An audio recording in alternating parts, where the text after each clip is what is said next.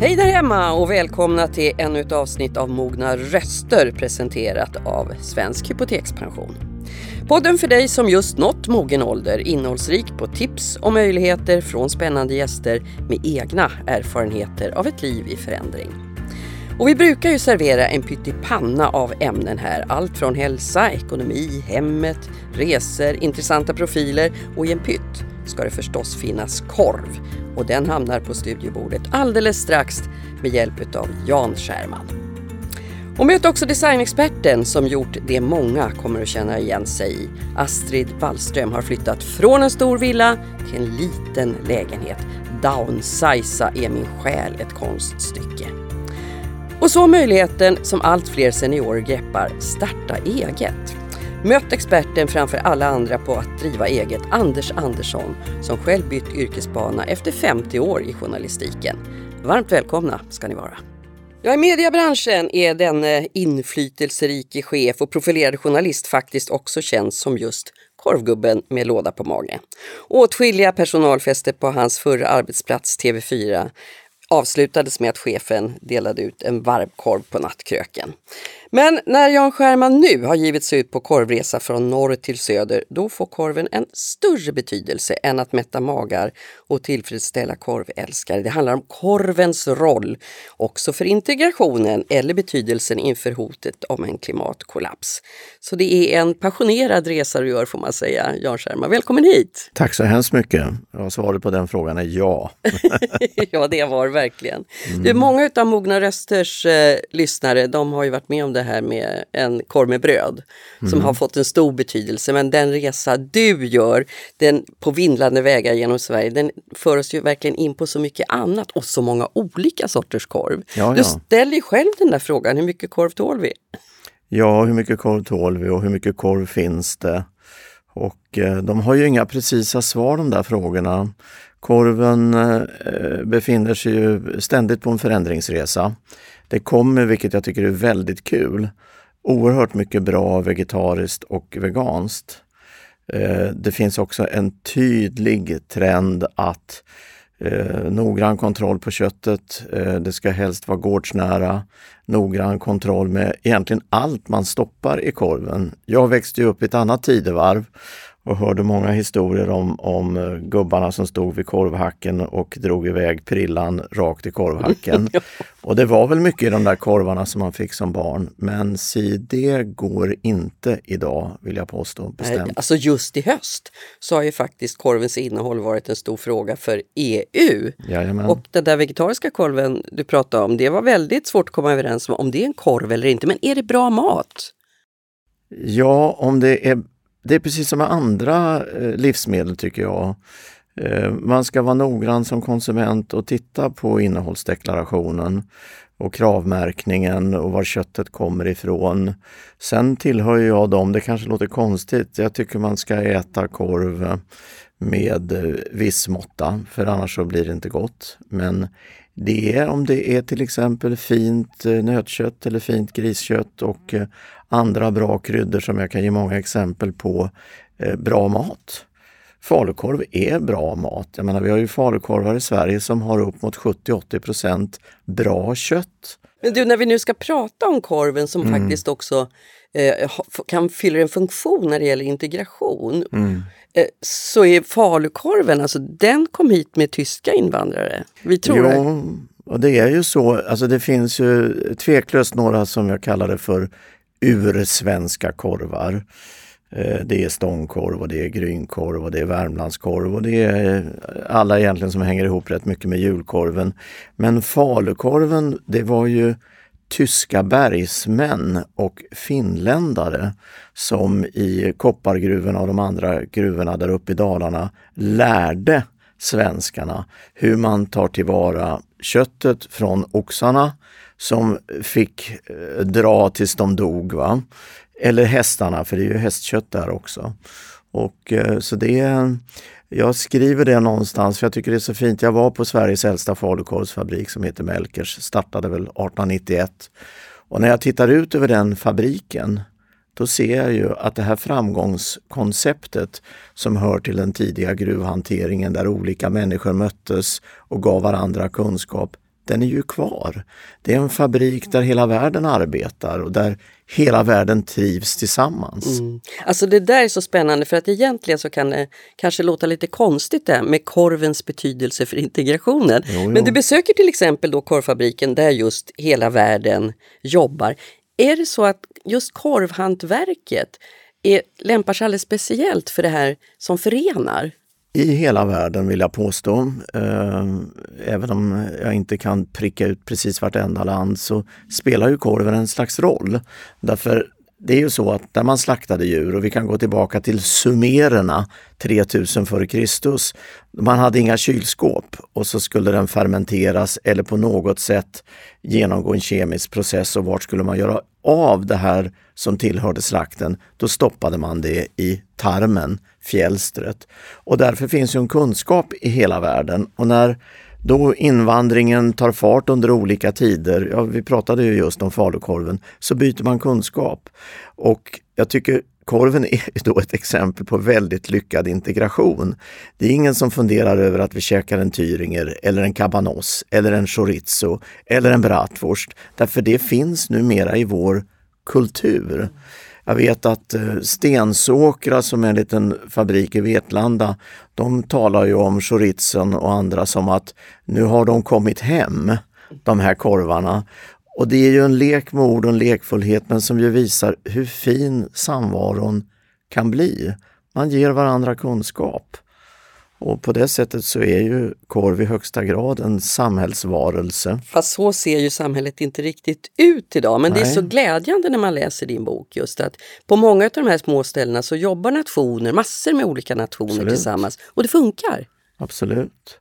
Det var ju till och med så, och det, jag, jag har sagt det många gånger nu när jag diskuterat det här att hallå ni här i Sveriges riksdag, ni skulle nog göra en liten korvresa så ni får se hur bra integrationen fungerar. Sen finns det ju problem, det ska vi inte alls bortse ifrån. För det är ju alltid så också när människor möts från olika kulturer att det finns rädsla och främlingskap. Men det finns ju väl fungerande också. Mm. Nyléns Hugosson som ligger i Luleå som en stor fabrik och ett stort slakteri. Där fick de ju pris av Dagens Industri för bästa integration och den invandrade skåningen Magnus Nilsson eh, som på bräkande skånska tog emot journalisterna hade lite svårt att förstå för han, han undrade vad det handlade om. Varför, liksom, pris för bästa integration. Och han frågade och frågade och frågade och till slut så kände han, nej men så här hörni, så här ligger det till. På den här fabriken så anställer vi ju de som vill jobba här. Och då blir det ju bra. Om de kommer från Syrien, Pakistan, Etiopien eller Chile eller Ukraina. Det bryr inte vi oss om bara de vill jobba här. Så du har gått ifrån toppenchef i mediebranschen till att du mm. kallar dig själv för diverse arbetare idag, skriver mm. mycket krönikor och sådär. För ett tag sedan så skrev du en krönika som handlade om att nu har, har du eh, vid 70 år faktiskt fyllda förklarats myndig igen. Det var ju lite sent påtänkt tänkte jag, men vad menar du med det? Nej men här fanns ju en, en stupstock stupstocksregel när det gällde pandemin som jag tyckte var väldigt olycklig. Eh, nämligen att vi som då är 70 plus eh, skulle i princip leva ett liv i karantän. Och jag tycker att den där typen av stereotypa bilder av människor tyvärr bara förstärker fördomar och fördomar mot äldre eh, blir ännu mer accentuerade. Så det var extremt olyckligt.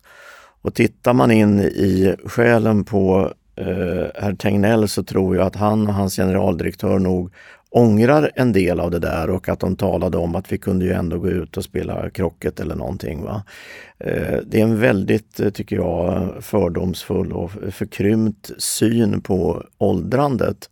Men vad ska till då för att samhället ska ta tillvara den erfarenhet och kunskap som många 60-plussare besitter och som inte tas tillvara just nu?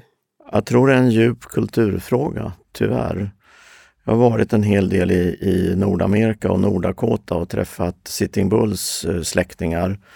Eh, de försöker rädda sitt gamla Lakota-språk och i klassrummen så satt allting ifrån barnvagnar till rollatorer. Och jag var tvungen att fråga vid lunchen, eh, hur, hur var det med det här? Eh, de förstår inte frågan så jag får upprepa den och då till slut så säger de, men det måste du väl förstå. Vi äldre, vi har elva ord för flod. Det måste de unga få lära sig. Men de har ju en massa ord för iPad och mobil som vi måste lära oss att översätta. Så precis det vi var inne tidigare på med integrationen. Vi spränger gränserna och så utbyter vi erfarenheter. Och ehm, Ja, du vet vid den där lunchen uh, for tanken iväg men plötsligt så är det en av Lakota-indianerna som frågar mig Var var du ifrån? sa du, var det Schweiz? Nej, Sverige. Ja, det var ju ganska obekant. Hur gör ni där? Och då, när jag berättar för honom så alla tystnar vid matbordet och tycker synd om mig. För jag får ju frågan, hur gör ni för att ni ska lära er av varandra? Vi gör inte det. Så de var ju beredda att komma hit och undervisa. Men jag smiter svaret på frågan lite, men jag tror att det faktiskt, det här börjar ju också med mig själv oavsett om jag är VD, om jag är verkstadsarbetare, om jag är ung eller gammal så måste jag ju börja ställa mig de här frågorna. Om livet är något slags inrutat schema där till slut så går man in i den fasen, den fasen, den fasen. Vårt samhälle kommer ju inte att klara det. Alla måste ju få finnas. Men det, det, du har visat också med din korvresa genom Sverige, det är ju möjligheten att faktiskt göra något mer av sin passion Absolut. när möjligheterna öppnar sig. Absolut. Mm. Vi närmar oss julen. Mm. Ska vi avsluta med bästa receptet på en julkorv? Ja, jag måste, jag måste ta lite fuskhjälp, va? men det syns ju inte i radio. Va? Men det är klart att Värmlandskorv är, är ju en klassiker.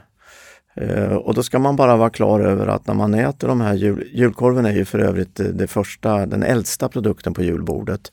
Allt det här med lax och räkor, det tillhör ju överklassens mondäna vanor som kom i slutet på 1800-talet och 1900-talet. Men julkorven, för det var fattigmans möjlighet att få äta kött. Eh, så den ska man äta med andakt. Om det sen är en Värmlandskorv som man köper eller om det är en klassisk julkorv så tycker jag, och jag snor det lite grann av Roland Persson, känd kock, att eh, jag tycker om när han eh, spetsar med ingefära. Den sätter en speciell liten fart på, på julkorven. Så i övrigt allting som tillhör julkorven, det finns ju, hitta recept i vilken bok som helst. Men spetsa, spetsa med lite, lite ingefära, det tycker jag blir alldeles utomordentligt gott. Härligt! Tack för tipset och tack Varsågod. för att du kom. Tack så mycket.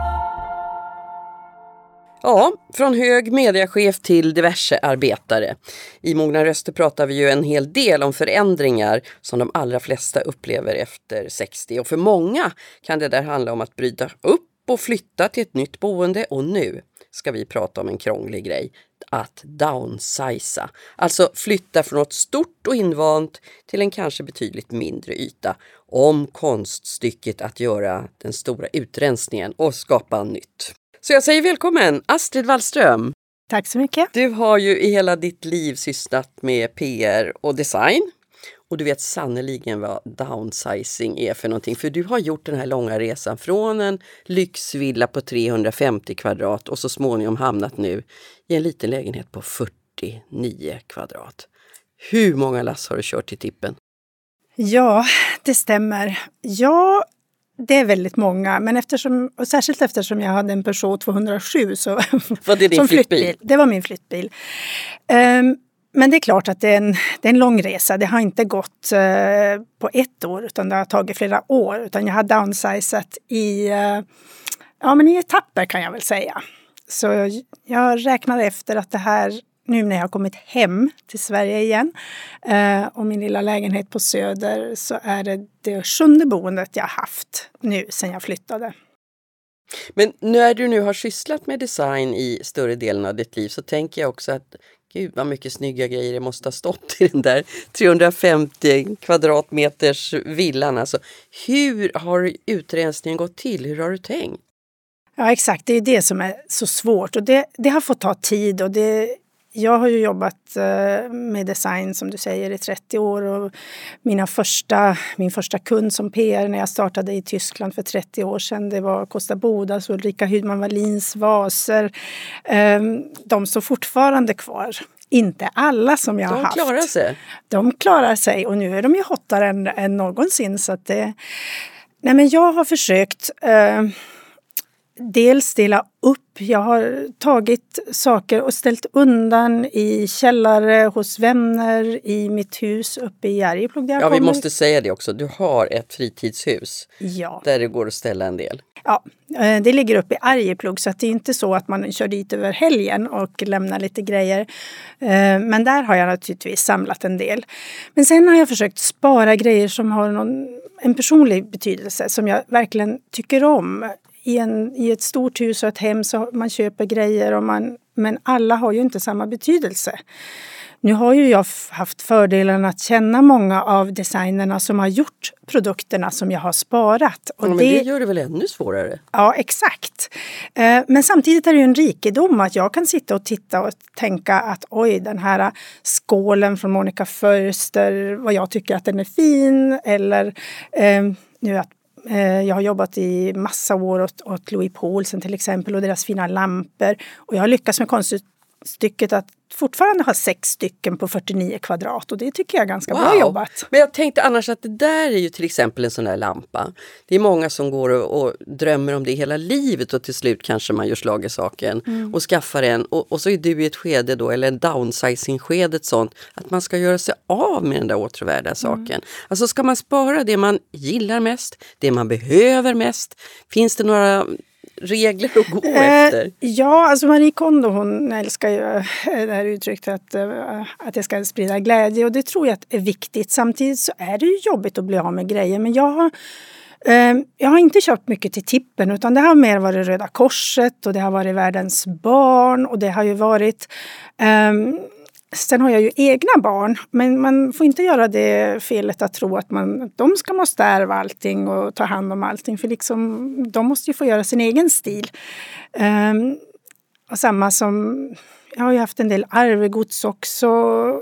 Och jag har känt att måste jag behålla det här bara för att det är ett arvegods? Men det har jag, det har jag lyckats göra mig fri från. Utan jag har försökt um, blanda också. Jag har gjort mig av med väldigt mycket men samtidigt har jag även köpt nytt. För att börjar man på ny kula någonstans, som nu jag gör, så måste man ju också kunna ha något nytt bland det gamla. Är det du berättar nu, är det egentligen en resa utav försakelse eller ska man se det som en möjlighet? Nej, det, det är en stor möjlighet. Alltså jag tycker det är väldigt skönt att inte ha så mycket grejer längre. Uh, och jag minns när jag flyttade in i den första lägenheten från den här stora villan så sa min då 15-åriga dotter Åh mamma vad skönt att inte ha så mycket saker. Mm. Um, så det, det är Men kunde du känna det själv då? Jo. Att det finns någon, ett, något drag av befrielse i det här? Att man blir Ja, man har, man har ju mindre att bry sig om, mindre att städa och mindre att ha hand om. Och, um, jag kände så här att uh, bara för att man downsizar så behöver man ju inte bli minimalist utan jag har fortfarande väldigt mycket saker men jag har lärt mig att organisera. Jag har inte varit bra på det kan jag säga innan men eh, det har jag gjort eh, just när det gäller kläder och skor. Jag menar, dessutom har jag jobbat en massa år åt även modefirmor och skofirmor så att det fanns mycket att ta av. um, så jag, jag gjorde så här att allt som jag inte hade haft på mig på tre år det kom bort um, på en stapel. Sen tillät Gud, jag mig... skulle jag gömma en del. ja, men jag tillät mig så här typ 10 free pieces, eh, någon snygg eh, Prada-klänning eller någon, några skor som jag fortfarande aldrig kommer att kunna ha på mig men som jag tycker är väldigt vackra och som jag har sparat. Um, så det tycker jag, man måste ju unna sig också. Man får inte vara för uh, radikal och bara slänga allting för att man, man nu ska bo mindre utan man måste ge sig själv lite tid och, eh, Men ofta kommer ju den här stora förändringen vi pratar om nu med att barnen flyttar hemifrån, man kanske blir ensamstående och, och så ska man flytta till mindre då. Men är det också så tror du att man blir mindre materiellt beroende med åren? Jo, men det tror jag säkert för att man, man binder dannet. Man har, man har redan haft så mycket och man har gjort det och man har alla dessa köksmaskiner som vi hade i det där huset. Det var ju tre skåp. Uh, nu har jag inte ens en mort örtel utan jag har haft eh, en hammare och en handduk där jag har slagit min peppar lite, liten. Eh, så att ehm, ja, men det känns som en frihet. Ja.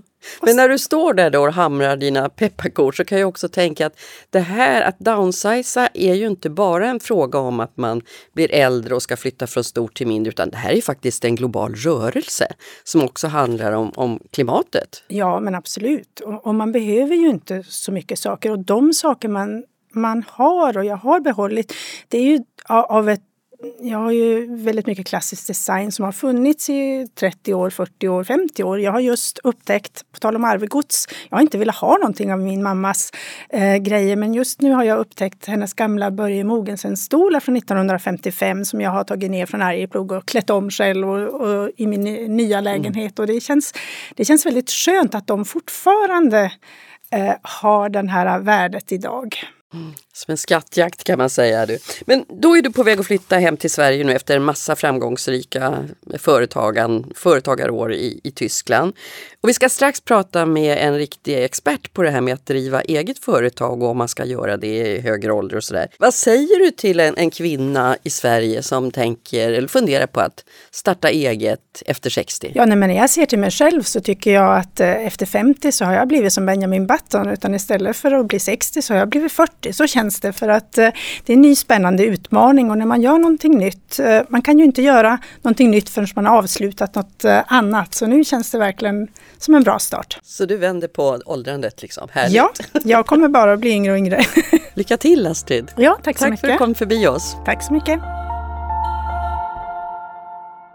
Ja, då ska vi prata vidare om företagande och nystart efter 60. Anders Andersson kan man presentera på många sätt. En av Sveriges mest välkända ekonomijournalister, föredragshållare, numer framgångsrik fotograf och för den breda allmänheten kanske också känd för sina goda råd om hur man ska placera sina pengar. Många, många har lyssnat på dig Anders och hoppats på god avkastning eller ja. de allra bästa råden för att starta ett eget. Välkommen till oss idag! Tack ska du ha Marianne! Ja, roligt att du är här! Ja. Du, Astrid som vi träffade alldeles nyss, hon har ju kört eget i flera decennier.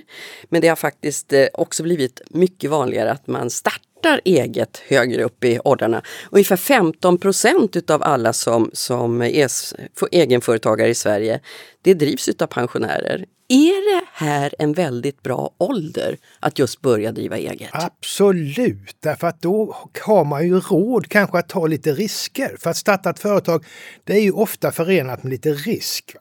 Och har man sin trygga pension och, och lite tid över och sådär och tycker man ska göra något, något kul och aldrig har varit företagare tidigare så är det väl alldeles utmärkt att pröva på detta.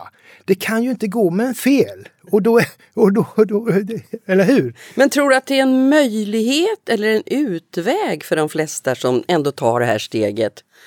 Ja, man hoppas ju att det är en möjlighet, men för en del som har en, en dålig ekonomi så kan det också vara en utväg att, att klara sig, att skaffa sig lite guldkant på tillvaron. För det är klart att har man det knapet så kan man ju då med hjälp av ett företag försöka få eh, både, både lite rolig sysselsättning och dessutom kanske i bästa fall lite pengar extra. Nu, nu pratade du om risker, men hur ska man då tänka för att inte ramla ner i de där fallgroparna? Ja, man måste ju ha en klar affärsidé. Det är ju väldigt viktigt. Gud, det låter pretentiöst. Och det låter så pretentiöst, men alltså man ska ju fundera över hur ska jag kunna tjäna pengar på den här verksamheten? För det räcker inte med att det bara är roligt. Utan man ska ju också tänka på att det måste komma in lite intäkter. Och att man inte ska ha för stora utgifter. En del gör ju felet att de börjar med utgifterna och de tänker åh nu ska vi skaffa det så man kan dra på firman, nu ska jag köpa dator, nu ska jag ha eh, bra lokaler och det ena med det andra. Men det är fel ända tycker jag, utan man ska börja i ändan att försöka skaffa sig intäkter och sen när man har, har en bra idé på hur det ska gå, då ska man skaffa, tänka lite mer på kanske vad man, kostnaderna. För det, och, och det, så ska man också ha råd och, eller ha eh, möjlighet att, att byta idé därför att det är inte säkert att det första man eh, gör är, är det rätta.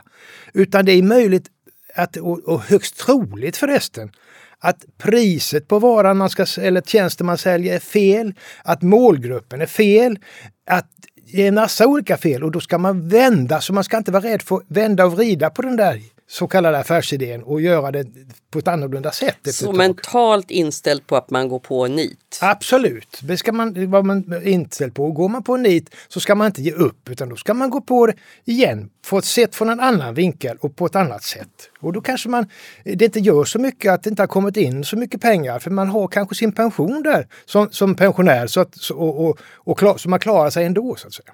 Alltså du var ju själv en bra bit upp i åldern när du började eh, det här driva eget. Ja, absolut. Som, som var väldigt framgångsrikt faktiskt. Och det var ju lite av din passion som du Ja, det har jag verkligen aldrig ångrat på. Jag satt ju i Bonniers trygga famn, vet du, på Expressen och på Privata Affärer och det ena med det andra och hade min, min fasta lön och tänkte innan jag blir pensionär så ska jag i alla fall visa att jag kan vara den här entreprenören som jag har kallat mig hela, hela livet. Och det var ju någonting som jag verkligen blev inspirerad av och det var ju en kick på, på beslutet strax innan jag pensionerade. Sen att jag sen sålde, sålde den här tidningen Driva eget eh, så småningom och, och, och tjäna lite pengar på det. Det, det, det, det, var inget fel men, men det var inte därför jag startade tidningen. Mm.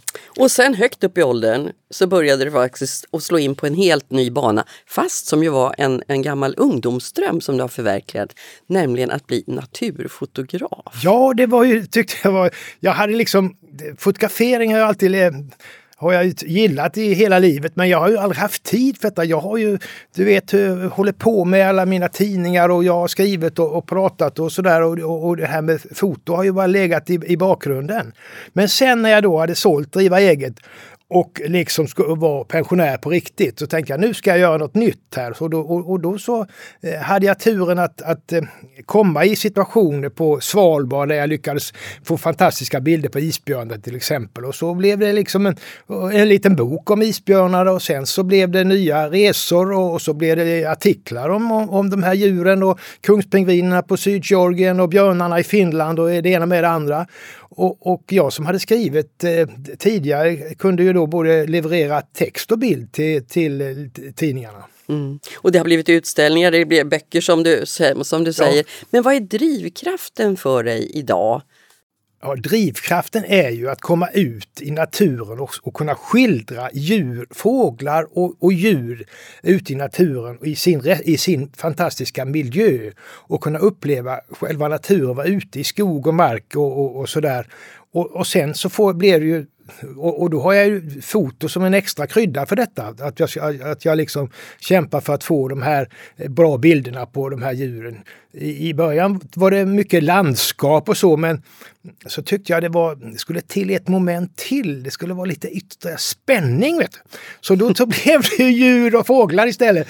Eh, eh, som, som var en extra dimension till det här vackra landskapet. Och, och, eh, nu, nu kan jag tycka det är fantastiskt när jag var ute häromdagen kom precis i rätt tillfälle när alla dessa sidensvansar sidensvansar då invaderade ett sån här haggtornsbuske. Och det var ju ett liv och ett kiv bland dessa och jag stod där med kameran i ett par timmar och tog över, ja, kanske 2000 bilder på dessa.